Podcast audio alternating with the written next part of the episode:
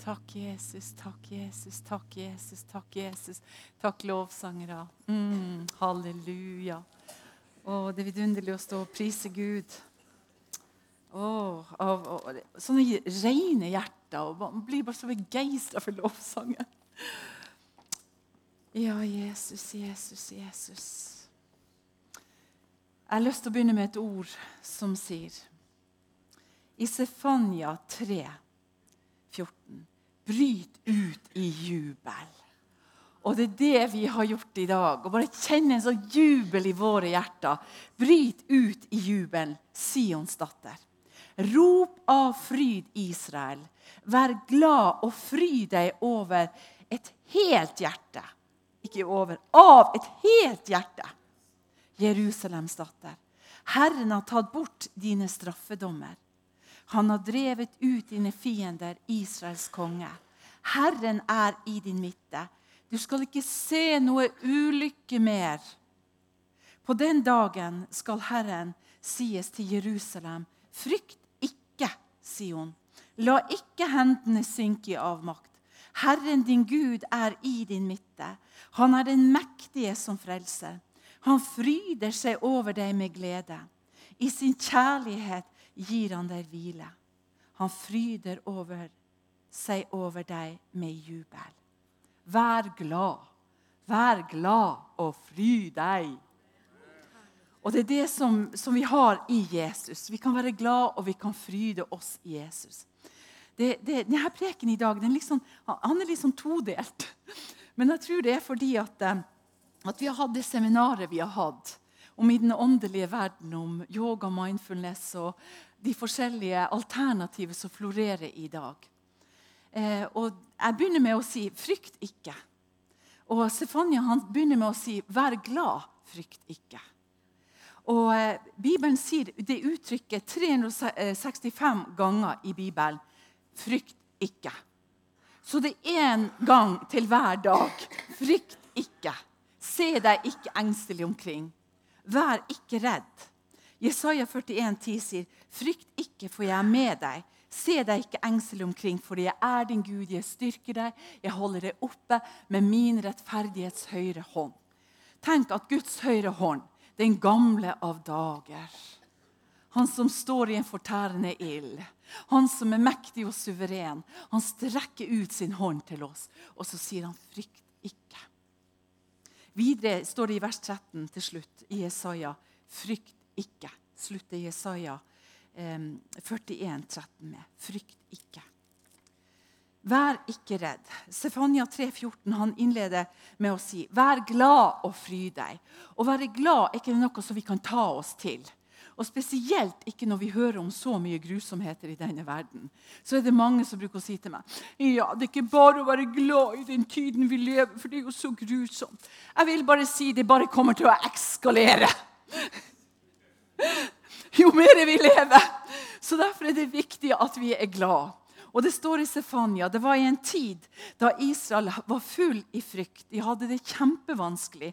Og Han begynner med å si 'vær glad av et helt hjerte'.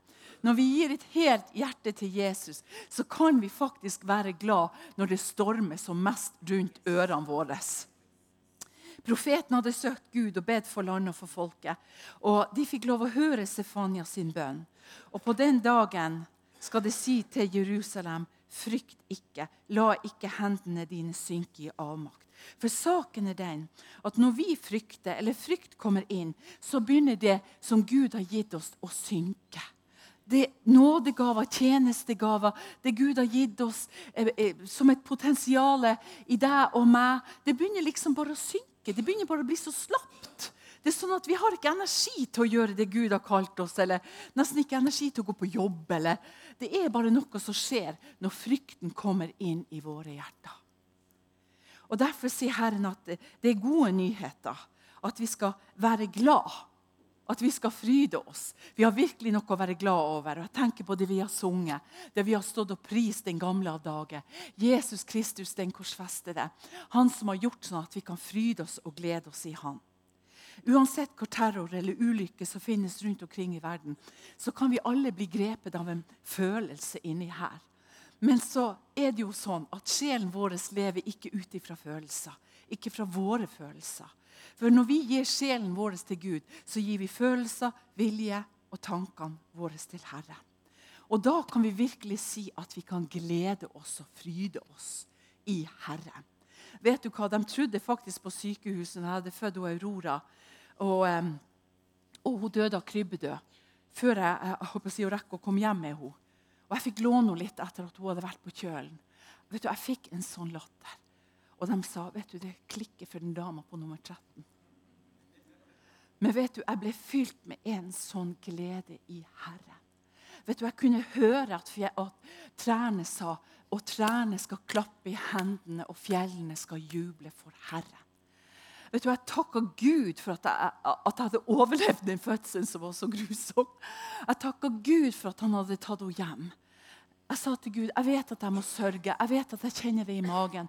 Men det er noe som er høyere enn sorg, enn problemer, enn hva det skulle være. Så er gleden det er en kraft, står det i Bibelen. En megakraft som får oss ut av villrådet, ut av frustrasjon, ut av uansett hva som skulle plage oss. Så er gleden i Herren vår styrke. Det er en sånn kapasitet at jeg tror mange ganger så må vi gå der nede for å kjenne for en kapasitet Gud har gitt oss i gleden. Og eh, når vi var i Tyrkia, plutselig forandra atmosfæren seg i Tyrkia. På stranda. De gikk ikke lenger og ropte Do you want tea, coffee, do you want drink, What's, whatever, do you want something? Plutselig så ble det helt stille på stranda. Og Jeg syntes det ble en merkelig atmosfære. Og Jeg sa til mamma min «Hva så rart, hvor ble de der lakeiene ut av? For det er jo det de er de her tjenerne, hvor ble de av hen? Så han, jeg vet ikke, så merkelig stemning. Plutselig så gikk musikken vekk fra å bli helt stille. Og vet du hva? I dette så kunne jeg kjenne en atmosfære av frykt. Så vi bare bestemmer oss for å gå opp på hotellrommet. Så viste det seg det at det har smelt på flyplassen. Og når jeg kom opp på rommet, så sa jeg til mannen min Husker du hva jeg sa sist vi var her i Tyrkia? Ja, At vi aldri skulle hit med det at du hadde fått en sånn ekkel drøm den siste dagen. Ja, og her er vi. Så får jeg egentlig håpe vi kommer oss hjem. Så når vi hadde spist litt, så går mannen min på stranda. Og jeg går på altanen. Det er ikke mange sjeler der. Og du vet, jeg fikk et sånt scenario. Tenk hvis det kommer noen og bare plaffer ned. Og jeg bare gikk på altanen. Ho, ho, ho. Trenger han å ligge der? Kan ikke komme opp og stole seg. Så sa Herren, Anie ikke gleden i Herren din styrke? Hva du frykter etter? Gatene var tomme. Butikker, Ingen sto og, og, og hoia oss inn til å kjøpe ditten eller datten. Det var nesten sånn at Vi måtte se om det var noen som i det hele tatt var i de der eh, butikkene. Og når vi sa 'Hva er det som har skjedd?', så sa de at 'nå har frykten lammet oss i Tyrkia'. Nå har terroristene gitt oss frykt, og vi er blitt lamma. Saken er den at frykten er med på å lamme oss. Så sa mannen min, men du som bruker å si at du gir ånd og sjel og kropp til Gud, kom igjen. Du er vel ikke redd, Anie? Men jeg kjente på denne frykten, og det var veldig ubehagelig. Det er lett å si det når vi sitter i benkeradene og priser Gud. Men når vi kommer i gitte situasjoner, og jeg tror det er da vi blir prøvd på alle deler i oss Frykten kan bli en lammelse for stedet å reise oss i Gud og våge å konfrontere den frykten. Og jeg tenker, også når vi gikk på butikker og senter og rundt omkring, så var TV-en på overalt. Og det var bare døde lik de bar ut fra flyplassen, og, og, det ene med det andre. Og vi bare sa til oss Vi bare holdt hverandre i hånda. Så sa jeg bare til mamma vet du hva, om vi ikke kommer oss hjem herifra, det spiller hva enn det koster rolle. For du skjønner det, da får vi i hvert fall vitne om Jesus. Er du klar? ja, jeg er klar! Så vi bare kjente at frykten bare gikk ut av kroppen vår. At vi bare benytta sjansen når vi var på restaurant og overalt, og bare fortelle at vi er ikke redd. Når frykten tar overhånd, så blir beskyttelsen borte fra Gud. Det høres veldig rart ut, men det er ikke Gud som blir borte fra oss. Men vi på en måte kommer litt på sidelinja av Gud. Frykten de gjør sånn at det lammer oss, sånn at vi ikke ser kjærlighetens lov i våre hjerter vi bare ser opp til noe som er med på å ta frykten i våre hjerter.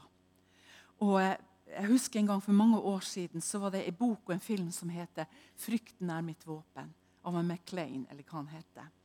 Og, eh, og det, det, var en film som Han gjorde ingenting i denne filmen, men han var en berykta person. Det var det som var sannheten. Og når denne personen kom inn i byen, så byen, ble byen full av frykt.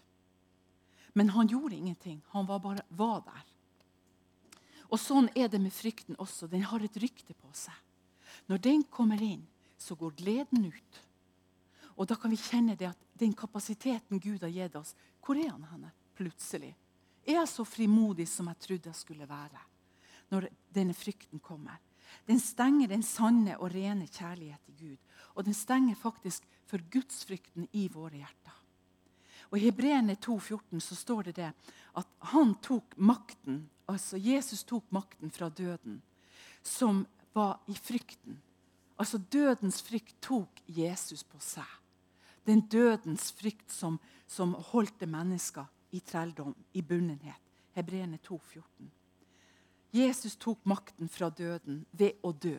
Så befridde han oss ifra det som hadde dødens makt, nemlig Han fridde oss ifra Satans makt.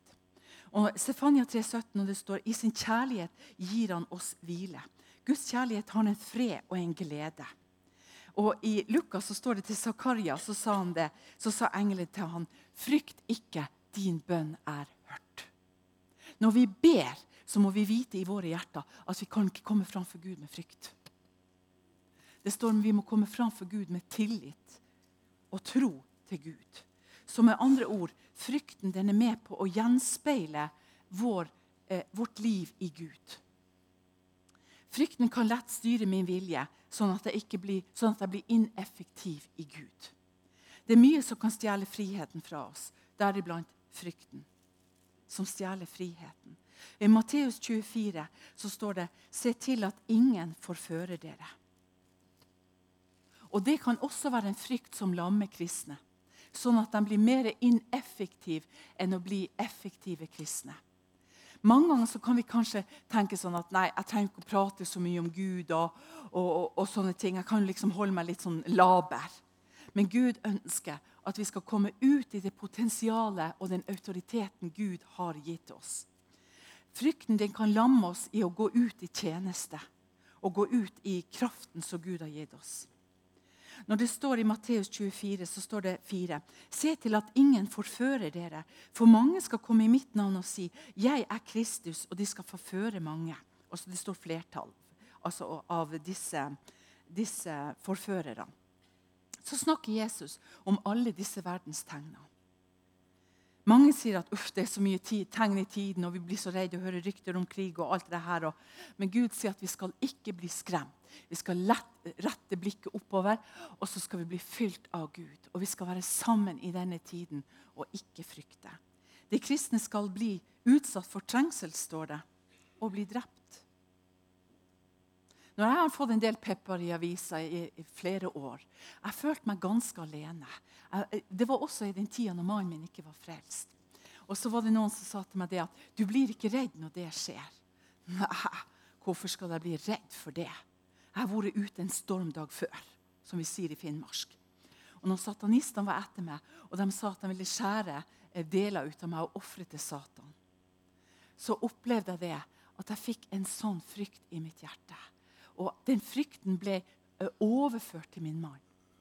Og så sa han til meg jeg hørte hva du og venninna snakka om. Jeg hørte, for når jeg kom hjem, så hørte jeg dere ba i stua.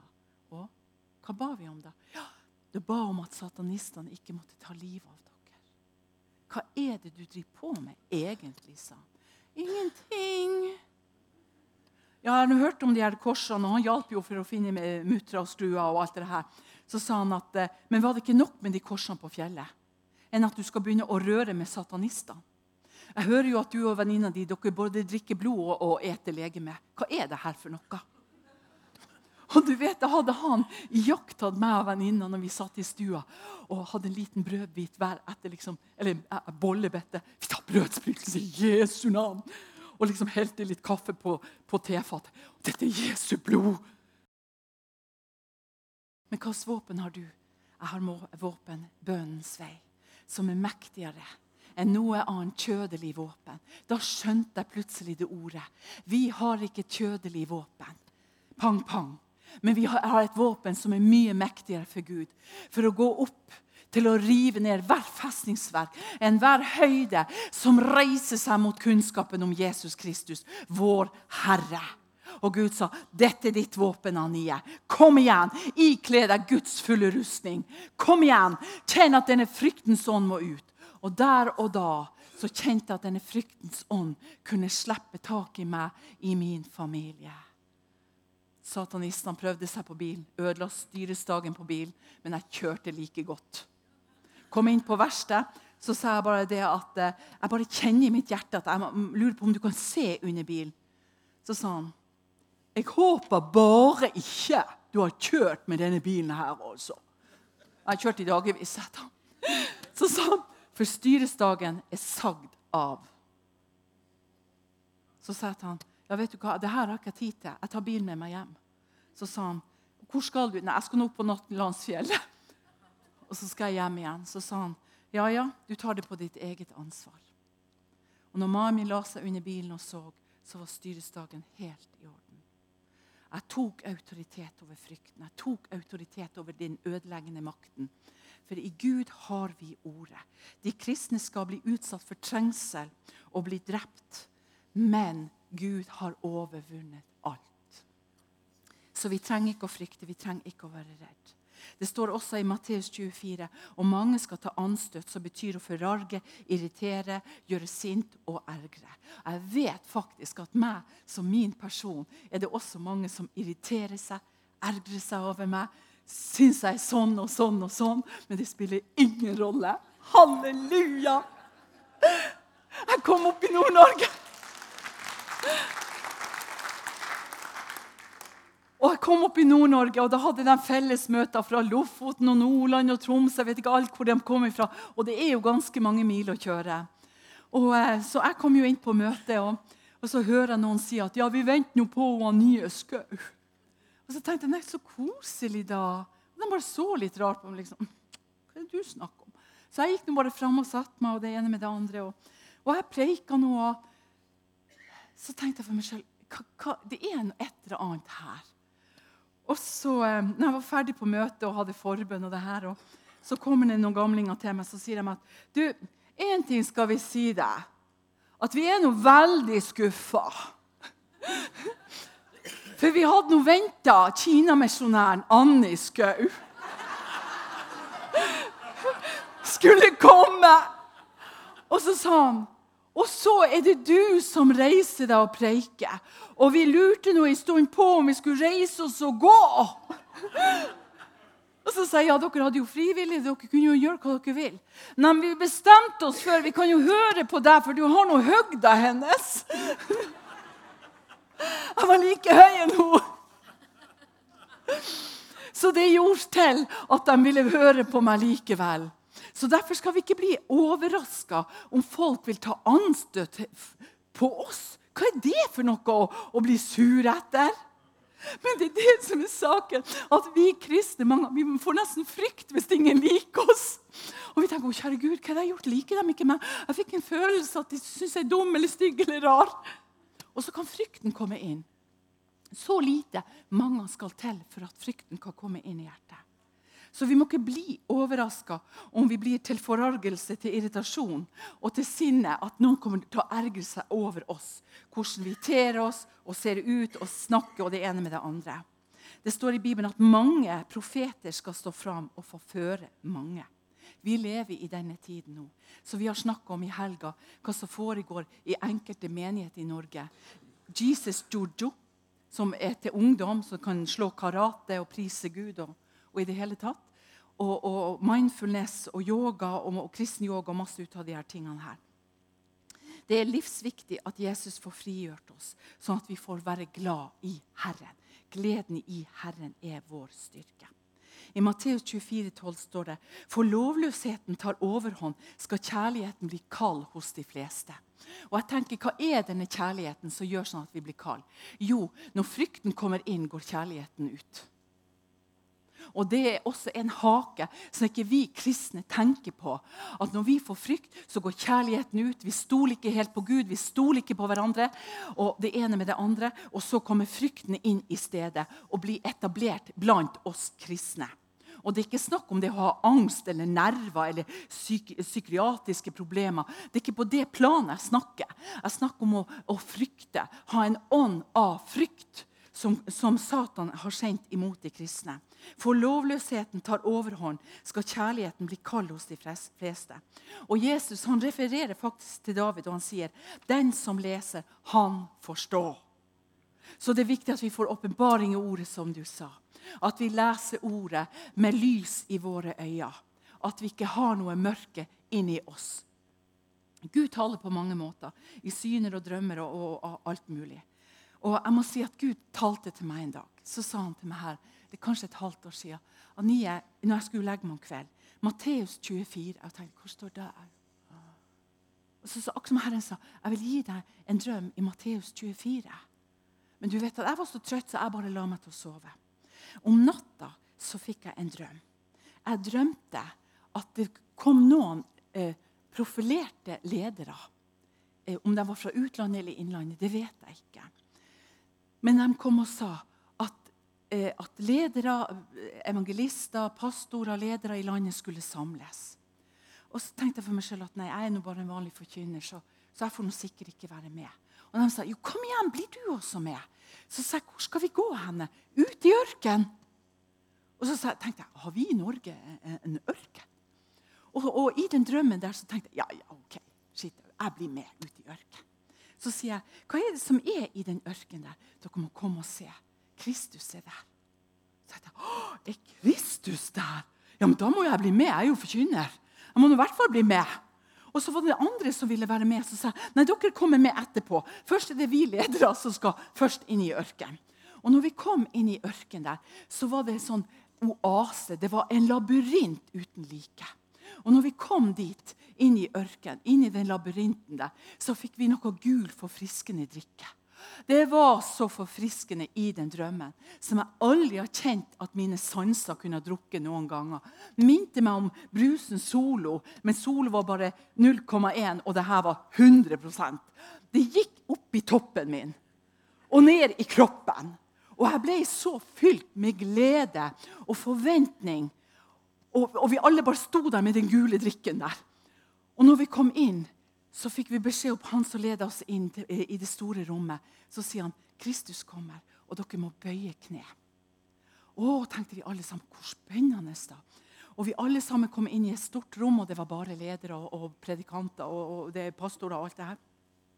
Når vi kommer inn i det rommet der, så, så hører vi han som leder oss inn. Bøy kne, Kristus kommer. Vi var jo så spent. Og så kom det en inn på scenen bak forhenget. Og han begynte å gi oss løfter. Han, altså, Guds ord var så levende i munnen hans at jeg trodde ethvert ord det han sa. Og jeg skulle få alle løftene oppfylt den dagen. Og jeg trodde på det, og, og hjertet mitt ble så fullt av tro. Og jeg tenkte wow, hvor fantastisk. Er det den siste vekkelsen vi skal stå i?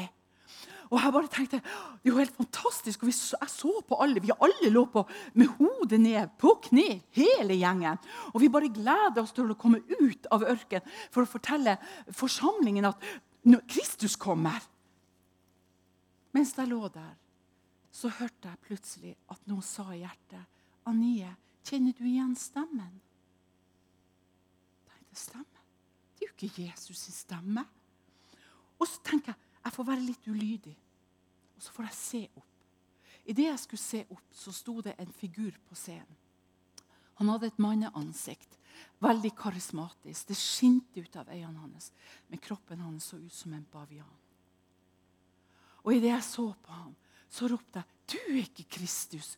Du er ikke Jesus Kristus.' Og idet jeg så øynene hans, så prøvde han å skjule seg litt. Og de andre som lå fremdeles på gulvet på mage, på kne og mage. og alt det her. Jeg sa vi må komme oss herifra. Vi er blitt lurt. Vi, vi er i en labyrint av Matteus 24. Og jeg prøvde å si til dem det her er Matteus 24. Vi må komme oss vekk herifra. Og noen var så trøtte. 'Å, vi får jo bønnesvar.' Og 'Kristus er her. Det er den siste vekkelsen vi skal stå i.' og 'Vi skal gå ut til menigheten og så forkynne den gleden.' Og, og, de skal få lov å smake på den drikken. Og, og jeg klarte å få noen med meg ut i den labyrinten. Og til slutt så kom noen andre. Og det ble en veldig sånn, sånn ekkel atmosfære av sinne og vrede. Vi klarte å komme oss ut i den labyrinten. Men siden sist så hadde den vokst. Vi så knapt den blå himmelen som var så innmari blå, og sola som skinte sånn når vi kom inn i labyrinten. Og jeg begynte å gråte, og vi hylte og sa, 'Gud, tilgi oss for at vi er blitt forført.' Gud sier, 'Pass dere for følelsen i den siste tiden.' For om ikke Gud får korta dagen, hvem vil da være frelst? Og Gud sier også det at, jeg holdt på å si, at Satan går rundt som en brølende løve for å se hvem han kan oppsluke og forføre i de siste dager. Derfor må vi jo være sann og ærlige og ekte med hverandre. Vi må vise, gi hele hjertet til Gud, som Stefania sa. At For at denne gleden skal være i oss, så må vi gi hele hjertet til Gud. Til ånd, sjel og kropp. Og i eh, Matteus 24 hvis noen sier til dere, 'Se, her er han i ørken', da gå ikke dit. Eller si, 'Her er han i det innerste rommet', så tro det ikke. Og når Gud og jeg sto der i en desperasjon for å komme oss ut av denne labyrinten, der, så bare ropte vi 'Gud, vær oss nådig', Gud, vær oss nådig. La oss komme oss ut av Matteus 24. Det var den rareste drømmen jeg noen gang hadde hatt. Og vet du, Jeg våkna om morgenen, og vet du, jeg gråt. Jeg, så, vet du hva, jeg var redd. Jeg sa til Gud Å, Gud, har du noe i mitt hjerte her som ikke du har fått? Gud, ta det. Ta det, Gud, så ikke jeg blir forført. For Gud sier at det, si, det kan skje den som tror han står. Se til at han ikke faller. Og jeg bare sa Gud, la jeg aldri bli så håmodig at jeg tror jeg står som forkynner, som har hele uka fri til å kunne ligge på mage og bare prise Gud og bare søke Gud hele uka. Jeg er så privilegert. Og da sa bare Gud, se til at du ikke faller. For når du tror du står, det står en advarsel til slutt i det, i det, avsnittet der. så står det det. Der hvor åtselet er, der skal gribbene samles. Og Når vi tenker på et åtsel eller et dyr, så er det gjerne et dyr som er veldig svakt. Det er uten mat, og det er uten næring, og det er ensomt. Og alle de her tingene der. Derfor er jeg så opptatt av at vi må ha menighet. At vi må stå sammen i en menighet. For Hvis ikke så kan vi bli åtsle før vi vet ordet av det. For det går så mange kristne i dag som er blitt så skuffa, som ikke har fått gjenopprettelse fra 30 år tilbake. Når vi hørte dette her som hadde skjedd i Oslo, så ringte en venninne til meg så sa hun, ja, det er bare godt at det kommer opp. og ja, men så sa Det er jo søster og bror din du snakker om nå. Jeg blir helt dårlig inni meg. Så sa jeg, kan vi ikke bare la være å snakke om dette? For nå snakker du om en søster og en bror. Så sa hun ja, og du vet jo hvordan jeg hadde. Så sa jeg, hvordan har du hatt det? Ja, den gangen jeg ble hudfletta. Ja, men så sa jeg, har ikke du fått tilgivelse for det? Jo, det har jeg. Så sier jeg det ikke veldig mange år siden. Ja, 30 år siden snart. Og du vet at hvis jeg på å si, vi blir som et åtsel, blir nesten som et sånn dyr som går der alene og syns synd i oss sjøl og alt mulig, der er gribbene med en gang. Hvor åtsle er, vil gribbene være. De lukter det på lang lei. Demonene og åndeverden lukter det på lang lei når vi går rundt i frykt og sinne og vrede og skuffelse. Jeg vet ikke hva. Når vi ikke ønsker eller vil være i en menighet eller gå og få gjenopprettelse. Og Derfor skal vi be i dag etter møtet om at vi skal få gjenopprettelse fra ting som måtte ha vært i hjertene våre, sånn at vi ikke blir et åtsel. For Jeg har spurt faktisk teologer hva er dette åtselet. Nei, nei, vi skal be over det her og snakke med Gud om det her. Men egentlig åtselet det er kristne som går på kompromiss med Gud og Guds ord. Det er åtselet som går rundt og er som en ensom ulv i dag. Og, og ikke er ærlig med sine egne hjerter. Og Bibelen sier der ånden ikke er i dem, de, de har bare navnet. En ytre fasade. Åtsle er noe også som har begynt å gå i forråtnelse. Jeg sier rett ut at det er en lunkenhet, og jeg har vært der. Jeg har vært lunken kristen.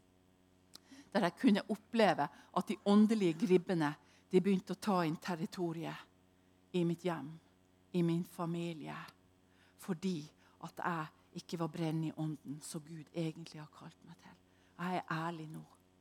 Og Derfor vil Gud at vi skal komme oss ut av lunkenhet, sånn at vi ikke blir et åtsel for disse gribbene, men at vi kan være full av glede. Som jeg begynte med. Denne gleden har en veldig kapasitet og en åndens kraft. I Jakob 5 eh, Nei, unnskyld. I Jesaja 51,7.: Hør på meg, dere som forkynner rettferdighet. Du folk som har min lov i deres hjerte. Frykt ikke for menneskets hån, og vær ikke redd for deres spott. Vi trenger ikke å være redd mennesker. Jeg bruker bare å si å, det er jo bare mennesker. Hva er det å være redd? Jeg har opplevd en ting, jeg og Bjørg vi var på reise.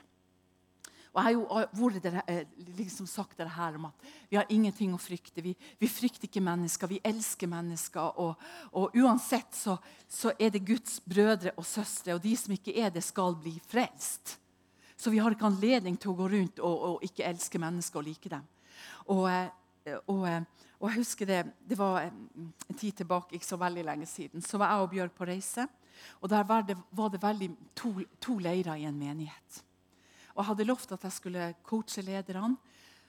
Og, eh, og, Gud sa til meg Anie, du kan ikke reise dit hvis du har partiånd i ditt hjerte.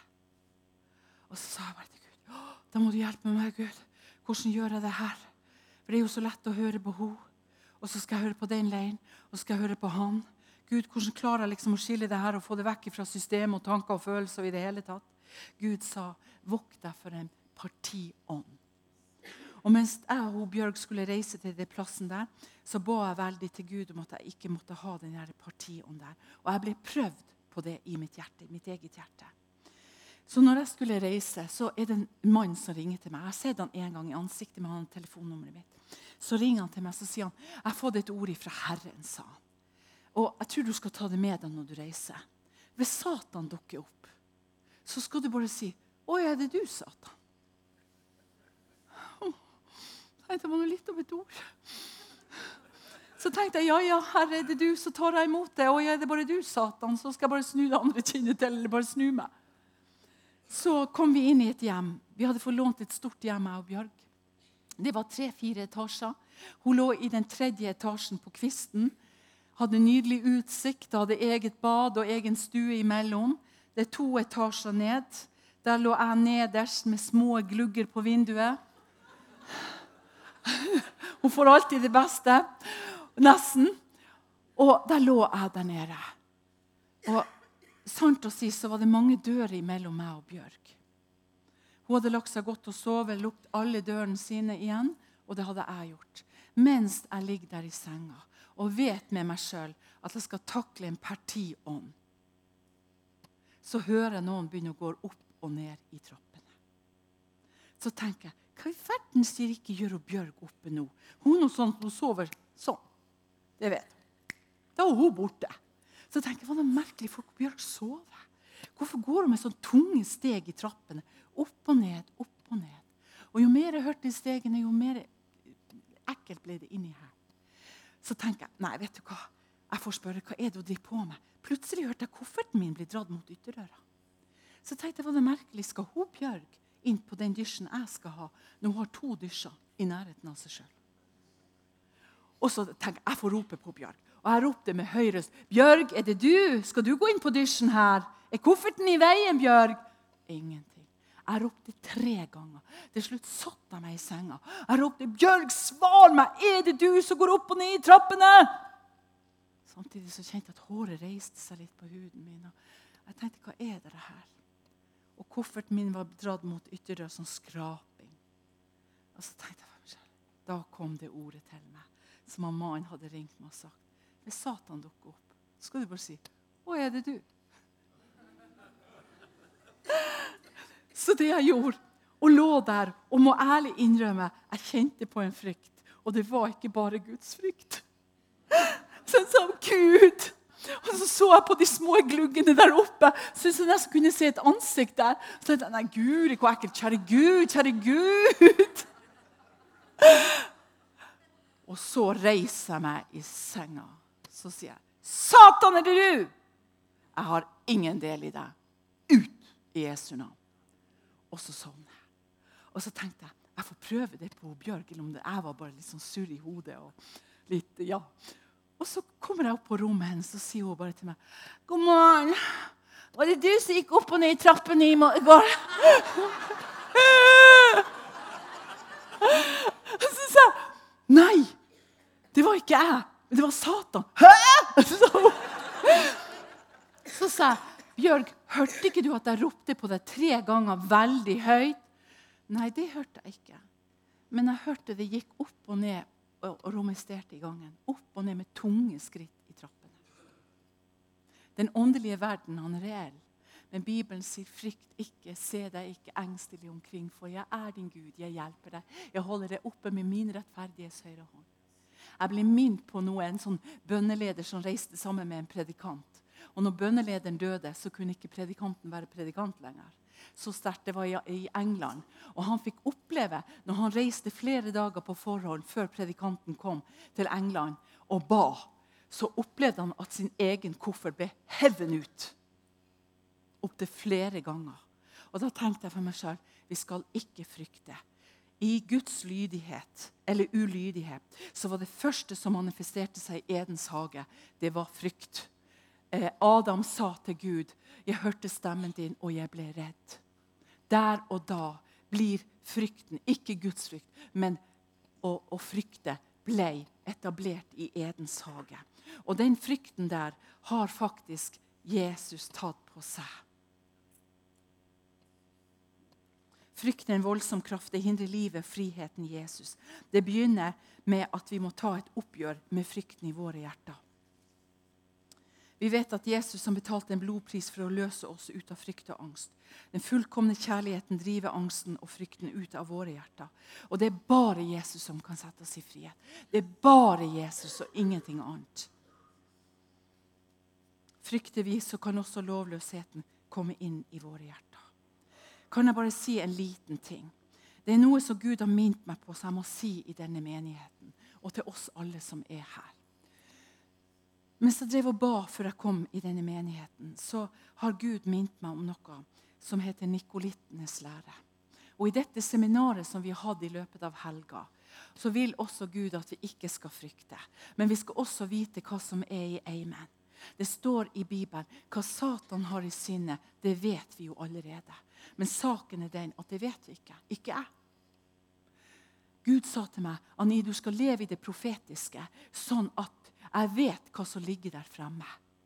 For Jesus sa at når han skulle gi oss Den hellige ånd, så var det for at vi skulle kjenne det som kommer. Derfor må vi leve i det profetiske, sånn at vi vet hva som kommer. At vi er skodd åndelig skodd før ting skjer, både rundt omkring i menigheter og rundt omkring i landet vårt. Og Gud vekte meg en morgen og sa han til meg Anie, det er en forvirring, en åndelig forvirring over landet. Og som jeg sa når jeg kom hit, pastor, så har Gud sagt til meg de menighetene som ønsker å høre om yoga, mindfulness, om alle disse åndelige tingene, det er pga. brudevekkelsen gjør seg i stand for denne tiden. For at vi skal være ikledd disse brudeklærne. Vi skal stå parat, vi skal olje på lampen, vi skal være våken i ånden. Og vi har ikke tid til å slumre eller sove. Vi skal være parat, og vi skal vite at denne salvelsen den bærer oss like inn i tronrommet til bryllupet til Gud. At vi ikke mister noe på veien. Og, og da sa Herren til meg en åndelig forvirring det er når man ikke er fornøyd med Gud. Når man ikke blir løst fra bånd og lenker og begynner å ta substitutt. I Judas 1,3 står det.: Dere kjære, samtidig med, samtidig med at jeg ble meget opptatt med å skrive til dere om vår felles frelse, fant jeg det nødvendig å skrive til dere og formane dere til å stride alvorlig for deres tro, som en gang for alle ble overgitt til de hellige. Så er ikke troen vår bare noe som vi har. Noen har liten tro og tro, stor tro, og noen har ikke tro, og noen har vantro. og det ene med det andre. Men troen på Jesus Kristus det har det substanse i seg at Jesus Kristus, den fullkomne frelse, ble overgitt til de hellige som et sonoffer for oss. Denne troen står i Bibelen om at vi skal stride for. Det står om at i Judas 1, altså det er jo bare 1, Judas kapittel 3, så står det det at vi skal være opptatt faktisk med å formane hverandre til å stride for den troen Gud har gitt oss i våre hjerter. Og, og, stå, stå, og, så står det For noen har sneket seg ubemerket inn, slik som for lenge siden er blitt oppskrevet til denne dommen. Hva er det for noe? Hva er det som, som er blitt oppskrevet til denne dommen? Klart Gud vet og Gud ser. Det ugudelige som forvrenger Guds nåde til løsaktighet og fornekter den eneste sanne Gud over Herre Jesus Kristus. Ser bare det her homofile ekteskap. Og Nå skal kvinner få lov å ha tre menn. Og de skal prøve å få det gjennom. For får homofile lov å gifte seg i Den norske kirke, så skal de også begynne med bigami. Da skal de også gjøre ditten og datten. Og grensene utvides før nesten det har gått et år så sitter vi på gjerdet og dingler med beina. Og jeg må bare si at jeg bare beundrer de evangelister og forkynnere som tør å være så skarp til å tørre å våge å kalle en spade for spade.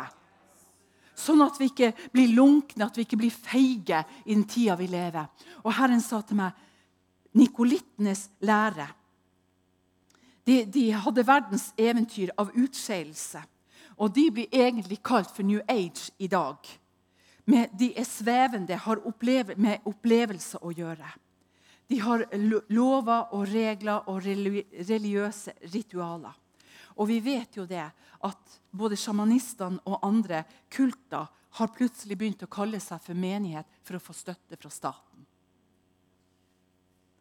Og Ut ifra historien i Bibelen om nikolittene så det, mener de det at det var Simon, trollmannen Simon som hadde starta denne menigheten. I Apostelens gjerninger 8, vers 9 så står det trollmannen Simon ble frelst, døpt og får kjennskap til veien. I vers 13 så står det da kom også selv Simon til troen. Hva er det her for noe? Og I vers 14-18 så står det da Simon han brukte sine okkulte triks. Han kjøpte anerkjennelse for penger. Og det som skjer med Simon som blir frelst og døpt og kommer til troen og så står det da Men når Peter og de kom til å være med og hjelpe dem i vekkelsen, så står det det, og så sa de har dere fått Den hellige ånd når dere kom til tro. Nei. Vi har bare hørt om den dåpen, og vi er blitt døpt til Jesus Kristus. Så dere har ikke blitt døpt i Den hellige ånd? Nei, sa folket. Og dermed blir folket døpt i Den hellige ånd. Da skjer det noe med Simon. Han har ikke fått gjenopprettelse fra sitt gamle liv. Han er frelst, han er døpt. Men det mangler noe. Akkurat det som mangla i mitt liv. Når jeg ble løst fra sjamanisme, spiritisme, fra det okkulte. Jeg ble ikke løst ifra det hatet jeg hadde hatt til han som hadde forgrepet seg på meg som tiåring. Jeg hata han som pesten. Torde ikke å reise nordover. Jeg var livredd. Mamma sa skal vi gå på kafé. Kafé! Må vi ta bussen? Sa, sa mamma. Ja, vi tar bussen. Slipp han far og, og begynner å vente på denne bilen. Og, 'Jeg tar ikke bussen.' Det var en sånn frykt, så jeg vet hva frykt kan være med på å lamme, og hva det kan være med å binde. Det kan være med å hindre. Men jeg hadde et hat, og i dette hatet lå det en sånn frykt som jeg bare av og til ble konfrontert med. Men saken var den at det fulgte meg inn i menigheten. Jeg opplevde det når andre hadde frykt, så gikk jeg nær til dem. Vi er bestevenner, vi to. Ånd møter ånd. Og, og, her står det om denne Simon der. Når han kom til troen, så så han at Den hellige ånd ble gitt. Og at mennesker blir fylt og døpt i Den hellige ånd. Så sier han da til Peter, 'Gi meg også denne gaven, så jeg kan utøve den.' Det var ikke snakk om at kan jeg få Den hellige ånd og bli fylt med Den hellige ånd. Nei, for han hadde noe i sitt hjerte som han ikke hadde gitt til Gud, nemlig sine gamle kunstner. At han, han var bundet av penger. Og det var det som hadde bundet Simon. Og det var det som de så at Peter kunne si. Må du og dine eiendeler og alt bare på å si, råtne og gå til avgrunnen. Han ble så sint, for han sa han skjønte at denne Simon han ville ikke ha Den hellige ånd for at han ville ha han inni sitt hjerte. Men han ville utøve en autoritet, en kapasitet, som han ikke hadde fått nåde hos Gud. Og det kjente vi. For han var ikke blitt satt i frihet. Og Sånn kan det mange ganger være ting i livet vårt. Derfor er det så viktig at når vi er her som Guds venner, søsken i Herren, at vi blir satt fri fra det gamle livet. At vi ikke bærer hat og uforsonlighet i oss. At vi vet med oss sjøl jeg har tilgitt. At vi virkelig kan gå til de som har bedrevet ondt med oss, og si faktisk jeg elsker deg. Jeg vet jeg sa det til barna mine. Dere er nødt å elske. Nei, det er vi slett ikke, sa barna mine. Og da sa jeg for at når vi elsker, så skaper vi et depot i himmelen. Du er nødt å tilgi. For det kommer ikke an på følelsene dine, men det kommer an på Guds eh, ord og Guds vilje. Skal vi ha framgang i dette landet, så må vi begynne å elske og tilgi. Og Her står det om denne fyren her. Så han var skuffa. Saken var den, Han ble så skuffa når han ikke fikk det, så han sa må, dere, må du be til Gud at alt dette som du sa, ikke må skje meg. I stedet kunne han ha ydmyka seg og sagt at jeg ydmyker, jeg gir alt til Gud. Men han gjorde ikke det. Han sa bare må bare se at det skjer, de greiene der. Og så fordufta han ut av scenebildet. Så det var noe som hadde kommet ubemerka inn. Altså noe inn i menigheten. Kanskje noe som er uforsonlig, som tydeligvis satt fast i sjelen. Derfor er jeg så veldig opptatt av når jeg forkynner om disse tingene, åndelige tingene, at vi gir våre kropper som et velbehagelig offer til Gud. Dette er vår daglige gudstjeneste. Vi får et nytt sinn når det står 'fatt et annet sinn', og omvend deg, så husvalenes tid kan komme. At det kan komme en tid av vekkelse til Guds folk. At vi kan bære virkelig troens ånd og troens kraft i våre liv. At det ikke bare jabbadabbadu ut av vår munn, men at vi virkelig eh, eh på å si, får kraft på kjøtt kjøtt på beina når vi ber for folk. Det står også i Bibelen om at eh, de blir sammenligna i Judas brev eh, med de som er som Sodoma og Gomora, med umoral og unaturlige lyster. Det står i Bibelen disse drømmene smitter også kroppen. Hvilken kropp er de smitter? Jo, de smitter faktisk inn i legemet. Og har ikke vi åndelige nådegaver til å ta spiken på hodet? Til å være med å hjelpe mennesker, sette mennesker i frihet? Så vil menigheten være influert av sånne ting som, har, som av forkastelse, av mindreverd, av ditten, av datten, av hat og uforsonlighet. Og da, jeg, da bærer ikke legemet den helligheten og den renheten som Gud vil at vi skal ha. De blir kalt for ufornuftige dyr. Og Her står det om nikolittenes lære i Johannes' åpenbaring 2,6. Her står det, det at når Gud taler, så forteller han det at de bar med seg noen stygge gjerninger. nikolittene.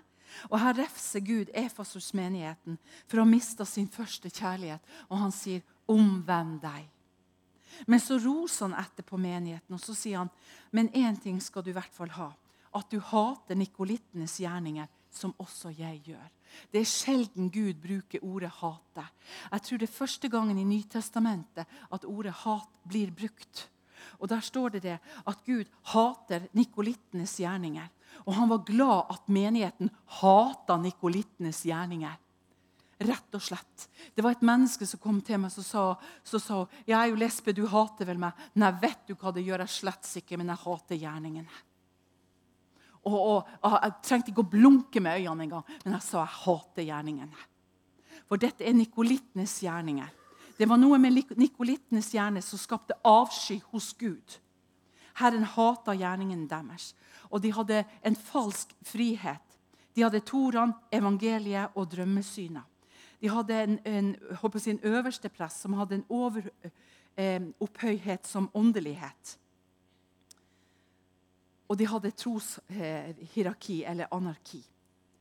De hadde en handling som var menneskestyrt. De mente en gang frelst, alltid frelst. De mente hadde de fått nåde, for de brukte Nytestamentet, de brukte Tora. Og de brukte sine egne skrifter. De hadde en ytre form for gudsfrykt, men fornekta den ene og sanne Gud. De lærer bestandig, står det i 2. Timotius 3,7, De lærer bestandig, og likevel er de aldri i stand til å, til å komme til sannhetserkjennelse. Og når vi vet at enkelte menigheter har Jesus jojo og Jesus yoga og Jesus mindfulness, da har de ikke sannheten. For noe har sneket seg ubemerket inn. De er jo teologiske teknisk, men egentlig så er de villfarne. Nikolittens lære har allerede kommet inn i menighetene. Og Det betyr rett og slett at vi må virkelig holde oss til læren til Guds ord. Og Det står i 2. Timotius 3,10.: Men du har etterfulgt min lære. Så kommer det nummer én livsførsel. Livsførsel. Lever vi på kanten av det Gud sier, av det Bibelen sier? Livsførsel. Og så står det min hensikt. Hvilken hensikt har vi? Det er å fremme Guds rike. Min tro det er Guds troen på Jesus Kristus. Min tålmodighet, det vet vi jo hva det er. Min kjærlighet, min utholdenhet, mine forfølgelser og mine lidelser. Paulus sier at vi skal etterfølge ham. Og Vi skal ikke være redd for forfølgelse, lidelse, eller om vi må være tålmodige. Vi må være kjærlige, ha tålmodighet, og vi må ha de rette hensiktene. Vi må ha tro. Og vi må fremfor alt ha en livsførsel som gjør evangeliet verdig. Nikolittenes lære. Historien eh, forteller også at nikolittene hadde også en hednisk religion fra Bal. De delte alt de eide, inkludert konene. Har det vært i Norge? Ja. Det har vært i Norge, i Trondheim, ved lysbærerne. Jeg glemmer aldri at jeg hadde et møte i Trondheim, og det var en sånn stor arena der så sa bare Gud til meg i dag skal du be for, an, for alle. Og jeg, jeg, jeg, vet ikke, Det var flere hundre mennesker. Jeg tenkte, kjære Gud, det går jo ikke. Jeg, det går jo hele natta. Og så bare sa Herren, du skal be for alle. For her er mye av nikolittenes lære. Jeg måtte bare holde det for meg sjøl. Og så, så kjente jeg i hjertet mitt at jeg skulle gå bort til to damer som sto i lag. Ikke at jeg tenkte at de var lesbiske, eller noe sånt. Hadde ikke noen sånne tanker. Men jeg bare sto sammen med dem. Og så sier jeg til hun ene Du bor på loftet, og hun bor på kjelleren. Stemmer det? Så tenkte jeg, hørtes jo helt horribelt. Så sier jeg, du er gift med han, og du er ikke gift med han. Så ble hun ene liksom flau. Så sa hun For jeg er nemlig en åndelig kone. Og dette er hans fru. Hun bor i kjelleren. Og jeg bor loft, på loftetasjen sammen med mannen, for jeg er en åndelig kone. Nikolittenes lære har florert i landet vårt uten at vi er klar over det. De mente at de hadde en spesiell åpenbaring, at de skulle legge vekt på å dele alt de eide, inkludert konene så skriver Gud til Pergamon-menigheten i Åpenbaringen 2,14. Og Han refser dem for Bilians eh, lære og sier at det er en snublesten som er offer til avguder og lever i hor. Slik har du også noen, står det i vers 15. Postens gjerninger 2,15. Slik har også du noen som holder deg til nikolittens lære, som jeg hater. De mista Guds nåde, blodprisen som Jesus hadde betalt. De herska over folket med sin lære. Er det ikke sånn i dag? Og jeg må bare si det, at når jeg gikk i kirka til brødsbrytelsen, i den kirka jeg er i, og jeg vet at han som sto foran meg, fremmer homofile i kirka Jeg vet at han som sto bakom meg, er samboer. Så sier jeg bare, 'Herre, det er for en tid og en stund.' Herre, jeg bare venter på Gud. Neste trekk fra Herre. Og jeg sier ikke mer. Men nikolittenes lærer den har kommet inn overalt. Det er samboerskap. Det er et eh, samkjønna. I Jakob 1,21 så står det Legg derfor all urenhet og all utslag av ondskap, og ta med sakmodighet imot ordet som er innplantet i dere, som har kraft til å frelse deres sjeler. Med andre ord, når ordet blir planta i våre hjerter, så har det kraft til å frelse våre sjeler. At sannheten, tro i kjærligheten skal få lov å vekke våre hjerter, så vi blir hele for Herren. Så at vi bare kan legge oss på Guds alter og bare si la bare ilden gå gjennom vårt legeme, Herre. La bare ilden gå gjennom vår sjel, våre tanker og følelser og vilje.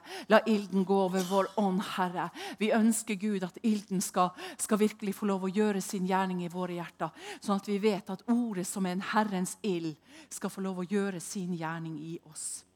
Om vi bare hører ordet og ikke gjør det, så vil ting snike seg inn i våre hjerter.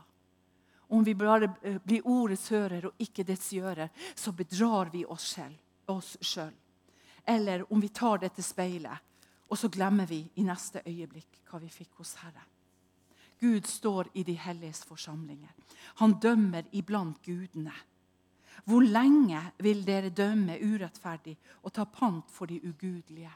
Det er lett å ta pant for de ugudelige og si ja, ja, de kommer seg nå etter hvert. For stedene bare går rett til kjernen og sier, vil du at jeg skal hjelpe deg. Frikjenn den hjelpeløse og den farløse. Vi skal løse hverandre. Gjør rett mot den elendige og trengende. Utfri den svake og fattige ut ifra den ugudelige sånn. Dere kjenner ikke, og de, forstår, de kjenner ikke, og de forstår ikke. De vandrer omkring i mørket. Hvor er vi henne som har Guds lys? Alle jordens grunnvoller rokkes. Jeg sa, dere er guder, og dere er alle den høyeste sønner. Men som menneske skal dere dø. Og det er vår lodd i livet. Takk og lov for det. Som menneske skal dere dø, og som en av fyrstene skal dere falle. Reis deg, Gud, døm jorden, for du skal arve alle folkeslag. Må vårt Guds lys være i våre hjerter.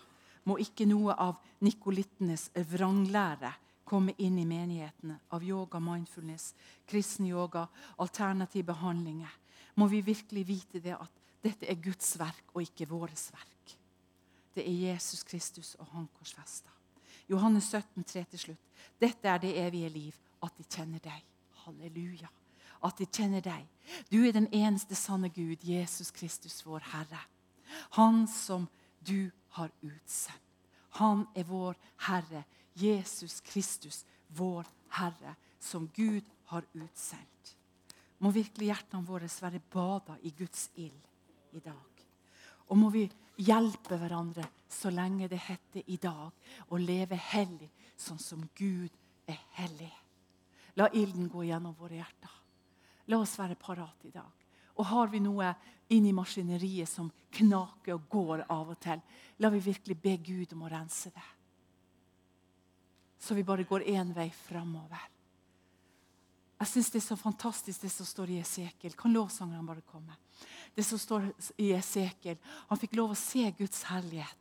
Og der står det så nydelig. Når han så Guds herlighet, så var det som jul som hadde øyne overalt. De gikk bare én vei framover, dit ånden ba dem å gå. De gikk verken til høyre eller til, til venstre, men én vei framover gikk disse hjulene. De gikk inn i hverandre, disse hjulene, og de hadde øyne foran og bak. Skal ikke det være sånn med oss? At vi går bare én vei framover med Gud. Vi har øya foran og bak. Vi vet det som har vært, ja, men vi vet også det som kommer.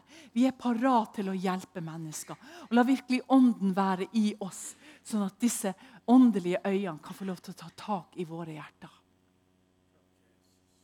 Vi ser hverandre endimensjonalt eller kanskje en og en halv. Hvis jeg står foran deg, så kan jeg se ørene dine bare for at de stikker ut. Men jeg, vi ser bare endimensjonalt. Men Den hellige ånd er syvdimensjonal i alt det han gjør. Det står om at han er de syv Guds ånder som farer over jorden for kraftig å støtte dem som er helt med ham.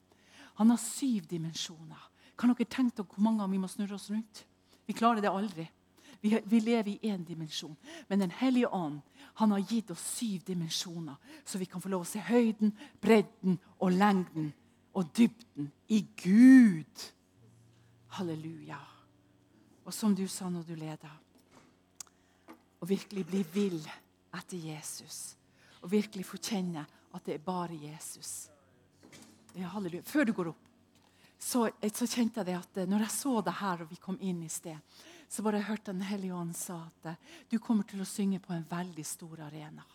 At Gud skal ta fra deg en, det som kalles for normal sjenanse. For det er med på å hindre deg til å løpe det løpet som Gud har kalt deg. Gud skal løse deg fra sjenanse. For Gud sier, 'Jeg har gitt deg ord og toner i ditt hjerte.' Når du leker og spiller for Herren alene, så har jeg gitt deg sanger. Og du skal komme ut med de sangene. Du skal være til fryd og glede for mange mennesker. Jeg bare ser Du sitter på torget, du sitter på steder der du aldri har kunnet tenkt deg. Jeg bare kjenner evangelistens ånd i deg, som du egentlig aldri tror du har hatt. Den skal bare sprute ut av hjertet ditt når du bare sitter og spiller og du bare priser Gud. For Gud har salva deg, og du skal ikke holde noe tilbake. Du skal fryde deg og skape de sangene som Gud har i sitt repertoar, og det er veldig mange. Så du skal være riktig frimodig og sterk.